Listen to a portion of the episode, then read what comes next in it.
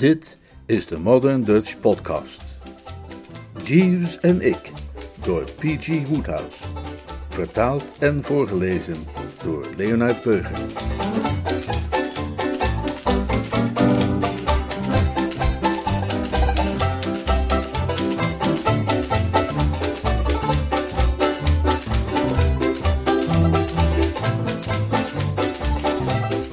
Hoofdstuk 4. Behandeling op afstand. Ik eh, wil je beslist even dit verhaal vertellen over Bobby Cardew. Heel interessant verhaal. Ik heb geen verstand van eh, literatuur en stijl en zo, maar dat is misschien ook niet nodig, weet je wel, want het gaat vooral om de moraal van het verhaal. Als je een man bent, is dit verhaal van het grootste belang voor je, want dan bevat het een ernstige waarschuwing. En als je een vrouw bent, is het eigenlijk niet minder interessant voor je, want het gaat over hoe een meisje het voor elkaar kreeg een man absoluut tot het uiterste te drijven. Ja, als je Bobby nog niet zo lang kent, zal het je misschien verbazen om te horen dat er een tijd is geweest dat hij vooral bekend stond om zijn beroerde geheugen. Allerlei lui die Bobby alleen maar kennen van na de grote verandering, zijn heel verbaasd als ik ze dat vertel. Maar toch is het waar. En dat kun je rustig van me aannemen. Eh, Toen ik hem pas leerde kennen, was Bobby Cardew zo ongeveer de grootste klungel die er binnen de zonnegrens centrum rondliep. De mensen noemen mij ook wel eens een warhoofd, maar ik ben echt op geen stukken na zo erg als Bobby. Als het om warhoofdigheid gaat, heb ik laten we zeggen een zeventje, maar hij ruim een twaalf en een half. Als ik bijvoorbeeld een keer met hem wilde gaan eten, dan stuurde ik hem aan het begin van de week een brief en een dag van tevoren een telegram. Op de dag zelf belde ik hem dan nog een keer op en een half uur van tevoren stuurde ik tenslotte een taxi waarvan de chauffeur moest zorgen dat hij hem aan boord kreeg en die ik dan zelf vast het adres van het restaurant gegeven had. Nou, op die manier lukte het meestal wel om hem te pakken te krijgen, tenzij hij natuurlijk de stad uit was als de taxi arriveerde. Het gekke was dat hij op andere terreinen eigenlijk helemaal niet zo'n sukkel was. Ergens heel diep van binnen bij hem bevond zich best wel een laagje gezond verstand. Af en toe toonde hij zelfs een bijna menselijke intelligentie. Maar ik moet zeggen, om bij dat diepere laagje te komen, was inderdaad wel wat dynamiet nodig. Tenminste, dat dacht ik. Er bleek echter nog een andere manier te zijn, waaraan ik niet had gedacht. Het huwelijk bedoel ik. Het huwelijk. Het dynamiet van de ziel. Dat was wat Bobby wist te wekken. Bobby ging trouwen. nou, heb je wel eens een jong hondje een bij zien vangen? Het hondje ziet opeens die bij. Hij vindt het een leuk beestje en hij gaat hem achterna.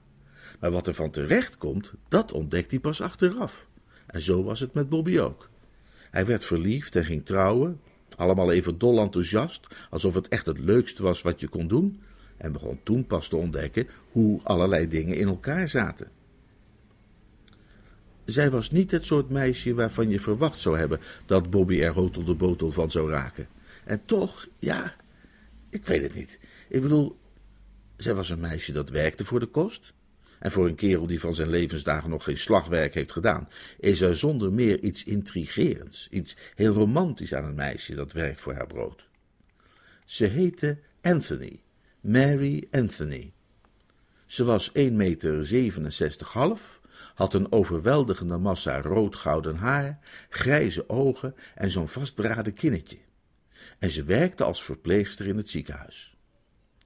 Toen Bobby een keer in de kreukels geraakt was bij Polo, had zij van hogerhand de taak gekregen zijn voorhoofd glad te strijken en in de weer te gaan met verkoelende zalfjes en dat soort dingen. En nog geen week nadat hij weer op de been was, waren ze naar het stadhuis gehuppeld om stilletjes hun handtekening te zetten.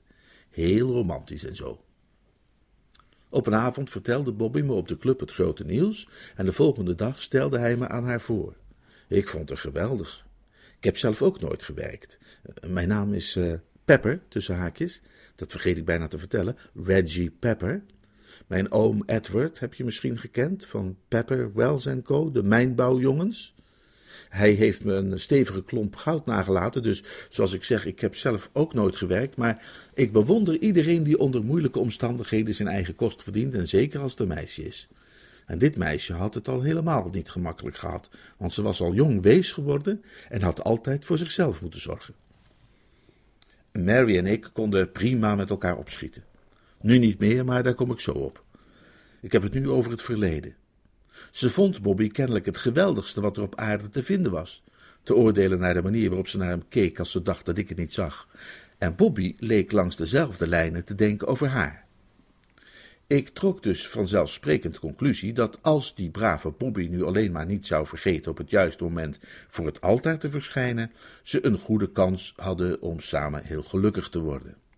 Goed, dan uh, maken we nu even om op te schieten een sprongetje naar een jaar later. Daar begint het eigenlijke verhaal pas. ze huurde een appartement in de buurt dat ze heel gezellig inrichtte. En ik kwam daar eigenlijk behoorlijk vaak. En als ik dan zo om me heen keek, kreeg ik de indruk dat het allemaal reuze gesmeerd liep tussen hen. Als dit het huwelijk was, dacht ik bij mezelf, dan begreep ik niet goed waarom allerlei kerels daar zo bang voor waren. Er waren ergere dingen die een mens konden overkomen. Maar dan komen we nu aan de geschiedenis van de rustige maaltijd. En dat was het moment waarop de droom der jonge liefde plotseling lelijk vastliep en er van alles begon mis te gaan. Ik liep Bobby toevallig tegen het lijf op Piccadilly en hij vroeg me met hem mee te gaan voor een rustige maaltijd in de huiselijke kring. En ik was zo gek om in plaats van hard weg te rennen en mezelf onder politiebescherming te stellen, met hem mee te gaan. Toen we bij hem thuis kwamen, begroetten we mevrouw Bobby, die er werkelijk fantastisch uitzag, eerlijk waar. Haar gouden haar was helemaal in krullen en frutsels opgestoken met zo'n diamanten, hoe heet het erin? En ze droeg een echt perfecte prachtjurk. Ik heb er gewoon geen woorden voor. Ik kan alleen maar zeggen dat het helemaal top was. Ik dacht nog dat als dit was hoe zij er elke avond uitzag bij de huiselijke maaltijd, ik me er niet over hoefde te verbazen dat Bobby zo enthousiast was over het gezinsleven. Hallo schat, zei Bobby. Ik heb vriend Reggie meegebracht. Die heb ik gevraagd om te blijven eten. Ik bel even naar de keuken dat ze kunnen opdienen, oké? Ze keek hem aan of ze hem nooit eerder had gezien. Daarna liep ze hoogrood aan, om vervolgens juist zo wit te worden als een laken. En tenslotte slaakte ze een lachje. Heel interessant om te zien, dat zeker, maar het deed me wel wensen dat ik heel ver weg hoog in een boom zat. Doch daarna herstelde ze zich. Wat leuk dat je er bent, Reggie, zei ze en glimlachte naar me. En daarna was ze weer helemaal in orde. Dat zou je althans gedacht hebben. Ze babbelde gezellig aan tafel en plaagde Bobby af en toe een beetje en speelde na tafel ragtimes voor ons op de piano alsof er geen wolkje aan de lucht was. Een heel gezellig avondje, maar niet heus. Ik ben geen scherpzinnige speurder en dat soort dingen, maar ik had haar gezicht gezien aan het begin van de avond en ik wist dat zij nu de hele tijd keihard werkte om zichzelf in de hand te houden. En dat ze met liefde haar diamanten, hoe heet het, zou hebben gegeven en al haar andere juwelen om heel even keihard te mogen gillen. Heel eventjes maar. Ik eh, heb in de loop van de jaren heel wat taaie avonden uitgezeten, maar zo taai als deze zou zelfs uitzonderlijk geweest zijn voor een schoenzool. Bij de eerste de beste gelegenheid greep ik mijn hoed en maakte ik dat ik wegkwam. Op basis van die ervaring was ik niet heel erg verbaasd dat Bobby er de volgende dag op de club ongeveer zo vrolijk uitzag als het laatste tumtummetje op een kinderfeestje. Hij brandde meteen los. Hij was kennelijk blij om er met iemand over te kunnen praten. Weet jij hoe lang ik getrouwd ben? vroeg hij. Ik wist het niet precies. Zo wat een jaar, toch? Niet zo wat een jaar, sprak hij somber maar precies een jaar. Gisteren. En toen begreep ik het. Er ging mij een licht op, een complete schijnwerper.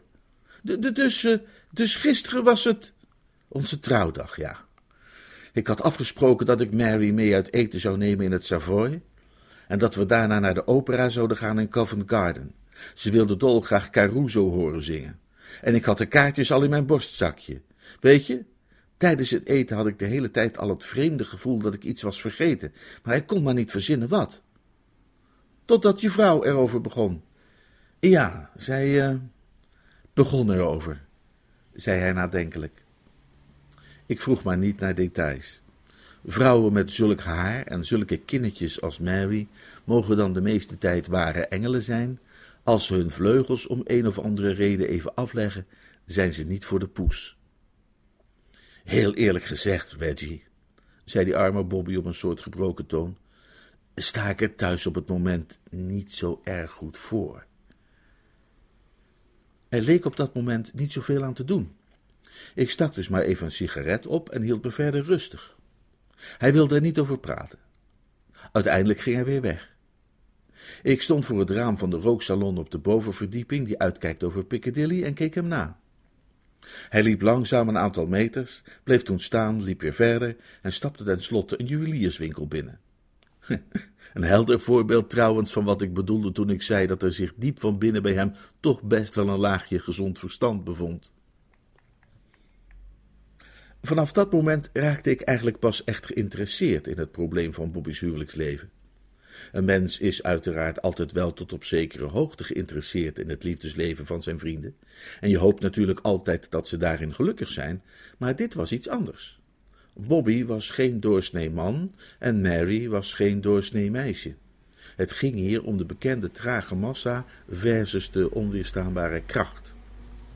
Enerzijds dus Bobby, een in alle opzichten beste brave figuur die kalmpjes zijn weg zocht in het leven, maar onmiskenbaar een sufhoofd van het zuiverste water. En anderzijds Mary, die vooral vond dat er absoluut niets suffigs aan hem mocht zijn. Waarbij moeder natuur overduidelijk aan Bobby's kant stond.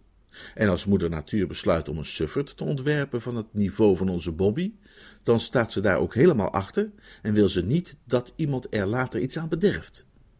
Ze schenkte de suffert een soort natuurlijke wapenrusting die hem moet beschermen tegen inmenging van buiten. En die wapenrusting is de vergeetachtigheid.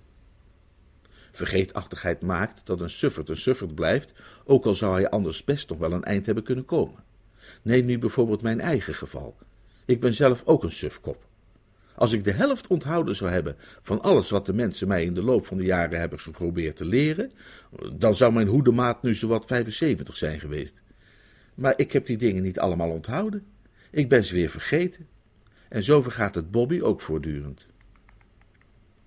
Ongeveer een week of misschien ietsje langer zorgde de herinnering aan ons rustige avondje thuis ervoor dat hij qua geheugen in absolute topvorm verkeerde. Ik heb wel eens gelezen dat olifanten een fantastisch geheugen hebben, maar dat was niets vergeleken bij dat van Bobby. Een week lang. Toch was de schok kennelijk nog niet groot genoeg geweest. Die had misschien een deuk in zijn wapenrusting geslagen, maar hem nog niet werkelijk doorboord, en al gauw was het met hem weer als vanouds. Het was eigenlijk best treurig, weet je. Zijn arme vrouw hield van hem, maar ze was gewoon bang. Die dingen gaan van kwaad tot erger, vreesde ze. De man die zijn trouwdag al vergeet als hij één jaar getrouwd is, vergeet na vier jaar wellicht dat hij überhaupt getrouwd is. Als ze hem wat dat betreft in het rechte spoor wilde houden, moest ze nu haar maatregelen nemen voordat het te laat was. Ja, ik, ik begreep dat wel, en ik probeerde het ook Bobby duidelijk te maken toen hij op een middag zijn hart bij mij uitstortte. Ik weet niet meer wat het ook alweer was dat hij de dag tevoren vergeten was, maar het was iets dat zij hem gevraagd had voor haar mee te brengen, een boek of zo. Ja, ze, doet altijd zo vreselijk moeilijk over zulke kleine dingen, zei Bobby. Terwijl ze toch weet dat ik gewoon een ontzettend slecht geheugen heb. Ik vergeet altijd alles. Kan nooit iets onthouden. Is altijd zo geweest. Zo praat hij nog een tijdje door. Toen hij op het punt stond om te vertrekken, haalde hij twee munten van een pond uit zijn zak. Oh ja, dat is waar ook zei hij. Waar is dat voor? vroeg ik, hoewel ik dat best wist.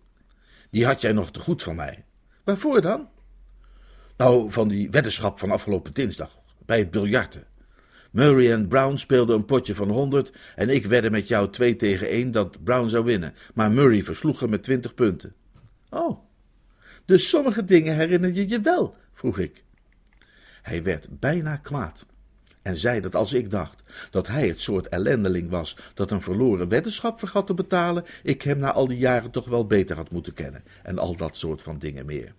Koest maar, beste jongen, zei ik, en ik sprak hem toe op vaderlijke toon. Wat jij moet doen, vriend van mijn jeugd, zei ik, is jezelf eens goed in de hand nemen, en snel ook. Als jij niet uitkijkt, loopt het niet goed met je af. Jij moet gewoon eens goed je best gaan doen. En ga me nu niet vertellen dat je het niet kunt. Die kwestie van die twee pond daarnet bewijst dat jij sommige dingen, ook al is je geheugen gebrekkig, wel degelijk kunt onthouden. Wat je moet doen, is ervoor zorgen dat trouwdagen en dat soort dingen op het lijstje komen van dingen die je wel onthoudt. Het vergt misschien wat inspanning van de hersens, maar er zit niks anders op. Hm, je zult wel gelijk hebben, zei Bobby. Maar ik zou wel eens willen weten waarom ze zo'n belang hecht aan die verdomde data die er niets toe doen. Wat maakt het nou uit dat ik vergeet op wat voor dag we getrouwd zijn, of op wat voor dag ze geboren is, of op wat voor dag de kat de mazel heeft gehad? Ze weet toch dat ik net zoveel van haar hou als wanneer ik een geheugenwonder was in het circus? Ja, maar voor een vrouw is dat niet genoeg, zei ik. Zij wil het bewezen krijgen. Zolang je dat nu maar onthoudt, zit je goed. Verlies dat uit het oog en je hebt een probleem. Hij sabbelde wat op de knop van zijn wandelstok. Vrouwen zijn raar, zei hij mistroostig. Daar had je aan moeten denken voordat je er een trouwde, zei ik. Meer had ik er volgens mij niet aan kunnen doen. Ik had de hele kwestie eenvoudig en duidelijk voor hem samengevat. Je zou gedacht hebben dat hij het nu toch wel had begrepen en dat hij wist wat hem te doen stond en dat ook ging toepassen. Maar nee hoor, hij ging gewoon op dezelfde voet door. Ik gaf het op hem te proberen te overtuigen. Ik had meer dan genoeg tijd te besteden, maar bij lange na niet voldoende om Bobby op dit punt door het woord te overtuigen. En als je ziet dat het iemand zelf om problemen vraagt en er bij wijze van spreken nog op aandringt, kun je ook niet anders doen dan domweg toekijken hoe het misgaat. Misschien dat je daarna nog een keer de gelegenheid krijgt. Hm? Tot dat moment valt er eenvoudig niets aan te doen. Maar ik moest wel veel aan hem denken. Bobby raakte trouwens niet meteen heel diep in de penarie. Er gingen weken voorbij, maanden zelfs, en nog altijd was er niets gebeurd. Af en toe liep hij de club binnen met een lichtelijk bewolkt gelaat, en dan wist ik dat er thuis het een en ander was gebeurd. Maar het duurde wel tot in het voorjaar, totdat de bliksem insloeg. Zij het dan ook wel meteen helemaal raak. Ik zat op een ochtend juist een rustig sigaretje te roken voor het raam dat uitkijkt over Piccadilly en bestudeerde de auto's en bussen die de ene kant op heen gingen en de andere kant op terug. Dat is heel interessant trouwens, ik doe dat vaak. Toen Bobby opeens binnenkwam rennen met uitpuilende ogen en een oesterkleurig gelaat en wapperend met een stuk papier in zijn hand. Reggie, zei hij, Reggie, ze is weg. Weg? vroeg ik. Wie? Ja, Mary natuurlijk. Weg en vandoor. Heeft me verlaten. Maar waarheen dan? vroeg ik. vind je een domme vraag? Nou, misschien heb je wel gelijk. Bobby kreeg in elk geval bijna het schuim op de lippen. Waarheen? Waarheen? Hoe kan ik dat nou weten? Hier, lees dit. Hij duwde mij het stuk papier in de hand. Het was een brief. Nou, schiet op dan, zei Bobby. Lees het. Ik las. Het was nogal een brief. Niet erg lang, maar glashelder. Dit stond erin. Lieve Bobby, ik ga weg. Als je genoeg van me houdt om eraan te denken mij te feliciteren op mijn verjaardag, kom ik terug. Je kunt me schrijven onder nummer 341 London Morning News. Ik las de brief twee keer en zei: Nou, waarom doe je dat dan niet? Waarom doe ik dan wat niet? Waarom feliciteer je haar dan niet? Dat is toch niet zo'n rare wens van haar? Ja, maar ze zegt op haar verjaardag. Nou, wanneer is dan haar verjaardag? Oh, maar begrijp je dat dan niet? vroeg Bobby. Dat ben ik vergeten. Vergeten? zei ik. Ja, zei Bobby, vergeten. Hoe bedoel je nou vergeten? vroeg ik.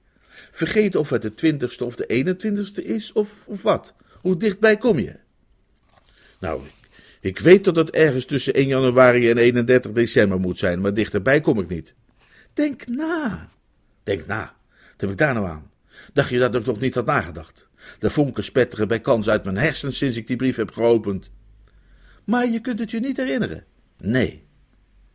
Ik belde en bestelde een hartversterking. Tja, Bobby, zei ik. Dat is wel een lastig geval om daarmee een ongeoefend amateur als ik zomaar te overvallen. Stel je voor dat er iemand bij Sherlock Holmes op bezoek was gekomen en had gezegd: Mr. Holmes, hier heb ik een geval voor u, wanneer is mijn vrouw jarig? Nou, reken maar dat zelfs Sherlock Holmes daar niet meteen van teruggehaald zou hebben. Maar goed, ik weet genoeg van die dingen om te beseffen dat je pas kunt beginnen met deduceren als je wat aanwijzingen hebt gekregen. Dus ik zou zeggen: span je eens in en kom eens met een paar aanwijzingen op te proppen. Bijvoorbeeld, weet je nog wanneer ze de vorige keer jarig was? Hè? Wat was het toen voor weer? Dat zou ons iets kunnen zeggen over de maand waarin ze jarig is. Bobby schudde zijn hoofd. Nou, uh, heel doodgewoon weer, voor zover ik me kan herinneren. Warm? Beetje. Of koud? Nou, ja, tamelijk. Misschien. Ik weet het niet meer. Ik bestelde nog twee hartversterkingen. Dat moest wel een eerste behoefte zijn volgens het handboek voor de jonge speurder. Nou, aan jou heb ik wat, Bobby, zei ik. Een eerste klas assistent. Zo'n onmisbare rechterhand waar geen detective zonder kan. Bobby leek hard na te denken. Oeh, ik heb het, zei hij opeens. Moet je horen, op haar vorige verjaardag heb ik haar een cadeau gegeven. We hoeven dus alleen maar naar de winkel te gaan waar ik dat heb aangeschaft, dan kunnen we daar de datum vinden dat ik het heb gekocht en klaar is Kees. Heel goed, wat heb je haar gegeven? Hij zakte in. Dat ben ik vergeten, zei hij. Het is met ideeën krijgen net als met golf. Op sommige dagen lukt het helemaal niet en op andere is het gewoon een fluitje van een cent. Ik geloof niet dat die brave Bobby ooit eerder in zijn leven twee ideeën had gekregen op dezelfde ochtend, maar deze keer rolde ze er zomaar uit. Hij had net een verse martini weggewerkt en misschien lag het daaraan, want opeens borrelde er zomaar een nieuwe ingeving op. Ken je die serie kleine boekjes met als titel Wanneer werd u geboren? Er is zo'n boekje voor elke maand. Daar staat dan precies in hoe je karakter is, wat je talenten zijn en al je sterke en zwakke kanten. Allemaal voor 4,5 penny per stuk. Bobby's idee was om ze alle twaalf te kopen en ze door te lezen totdat we erachter waren welke maand precies klopte bij Mary's karakter. Dan hadden we in elk geval de maand, wat ons al een heel stuk dichterbij bracht. Nou, dat is best een sterk idee voor een ongetrainde denker als onze brave Bobby. We gingen er meteen op uit. Hij nam de helft van de boekjes en ik de andere helft en we sloegen aan het lezen. Zoals ik zei, het had goed geklonken, maar in de praktijk stuiten we toch wel op een probleempje. We vonden meer dan genoeg informatie, dat wel, maar er was geen enkele maand bij waarin niet iets beschreven werd dat werkelijk precies op Mary leek te slaan. In het decemberboekje stond bijvoorbeeld: Decembermensen zijn geneigd hun geheimen voor zich te houden. Het zijn echte reizigers. En nou ja, Mary had haar geheim inderdaad goed voor zich gehouden en was inmiddels al een stuk langer op reis dan Bobby lief was. Maar ja, oktobermensen waren dan weer rijk aan originele ideeën en hielden van verandering van omgeving. Een perfecte beschrijving van Mary's uitstapje, toch? Februari-mensen hadden volgens het boekje een perfect geheugen, en daar lag ook inderdaad precies Mary's specialiteit. Na een korte pauze begonnen we aan de tweede ronde. Bobby voelde het meest voor mij, want het boekje zei dat vrouwen die in die maand waren geboren wispelturig zijn, wat altijd een hinderpaal is voor een gelukkig huwelijksleven. Maar ik stemde voor februari, want februari-vrouwen zijn ernstig, streven buitengewoon vastberaden naar hun doel en verwachten binnen een relatie van hun partner een volledige inzet, wat Mary beslist ten voeten uittekende. Uiteindelijk verscheurde Bobby alle boekjes, stampte erop en wierp ze in de haard en ging naar huis. Het was verbazingwekkend te zien welke veranderingen zich in de dagen daarna in onze brave Bobby voltrokken. Heb je wel eens dat schilderij gezien van het ontwaken der ziel? Er staat de een of andere juffrouw op die met nogal geschrokken blik staat te staren naar iets op de middellange afstand, terwijl ze zoiets lijkt te willen zeggen als: Is dat echt George die ik daar hoor binnenkomen? Kan dit de ware liefde zijn? Juist, dat. Nou, Bobby's ziel leek ook wel zo te ontwaken. Ik geloof niet dat hij ooit eerder in zijn leven de moeite had genomen ergens over na te denken. Echt nadenken, hè, bedoel ik. Maar nu beproefde hij zijn hersens werkelijk tot op het bot. Het was op een bepaalde manier natuurlijk pijnlijk om te zien hoe een medemens zo diep in de soep verzonken was geraakt, maar ik had sterk het gevoel dat het uiteindelijk toch ergens goed voor was. Ik zag duidelijk dat al dit heftige denkwerk zou leiden tot een betere Bobby. Het was best mogelijk dat hij, als dit achter de rug was, nog steeds een sukkel zou zijn, maar dan toch nauwelijks meer een schaduw van de sukkel die hij ooit was geweest. Het bevestigde de gedachte die altijd al in mijn hoofd had rondgespookt, dat Bobby gewoon eens een harde schop nodig had gehad op een plek waar het zeer deed. Ik zag hem in die tijd heel vaak. Ik was zijn beste vriend en hij kwam bij mij voor steun en begrip. Die gaf ik hem ook, en met gulle hand, maar ik verzuimde nooit hem tevens op de morele lessen te wijzen die de situatie hem bood. Op een dag kwam hij bij me langs toen ik op de club was en ik zag meteen dat hij een idee had gekregen. Hij keek vrolijker dan hij in weken had gedaan. Reggie, zei hij, ik ben op het juiste spoor. Deze keer weet ik zeker dat het me gaat lukken. Ik heb me in detail herinnerd van vitaal belang. Oh ja? vroeg ik. Ja, ik herinner me met zekerheid, zei hij, dat we op Mary's laatste verjaardag naar het Coliseumtheater geweest zijn. Hoe vind je dat? Knap stukje geheugenwerk, maar helpt ons dat verder? Nou, ze hebben daar elke week een andere voorstelling. Aha, zei ik. Nu begrijp ik wat je bedoelt. En in de week dat wij gingen, was een van de nummers professor Huppel de dansende kattenshow Terpsichore. Dat herinner ik me heel precies. Zo komen we een heel stuk dichterbij, of niet soms? Weet je, ik loop nu naar het Coliseum om te weten te komen wanneer ze die dansende katten hadden, al moet ik er een kassajuffrouw voor gijzelen. Dat reduceerde het vraagstuk tot een tijdspanne van zes dagen, want de directie was ons alleszins ter wille. De archieven werden tevoorschijn gehaald en met behendige vingers doorgebladerd, totdat we ter Psycholis katten hadden gelokaliseerd in half mei. Ha! Ik zei toch al dat het mei moest zijn, zei Bobby. Een volgende keer kun je beter maar naar me luisteren. Nou, als jij een beetje verstandig bent, zei ik, dan is er geen volgende keer. Bobby zei dat hij daarvoor zou zorgen. Als je geheugen eenmaal op gang is gebracht, is er vaak geen houden meer aan. Ik was die avond juist in slaap gevallen toen de telefoon ging. Het was Bobby natuurlijk. Hij verontschuldigde zich niet eens. Reggie, zei hij, opeens wist ik het weer. Het schoot me zojuist te binnen. We hebben die Terpsichore-katten gezien in een matinee-voorstelling. Ja, en? vroeg ik. Nou, je begrijpt toch wel dat het dan opeens nog maar twee dagen kunnen zijn? Woensdag de zevende of zaterdag de tiende. Ja, zei ik, behalve dan dat ze elke dag matinee hebben in het Coliseum. Ik hoorde hoe hij een wanhopig soort gejank produceerde. Bobby, zei ik. Ik kreeg ijskoude voeten, maar ik was nu eenmaal op hem gesteld. Ja, wat? Mij is ook iets te binnen geschoten. Die dag dat jullie naar het Coliseum geweest zijn, heb ik met jullie geluncht in de Ritz.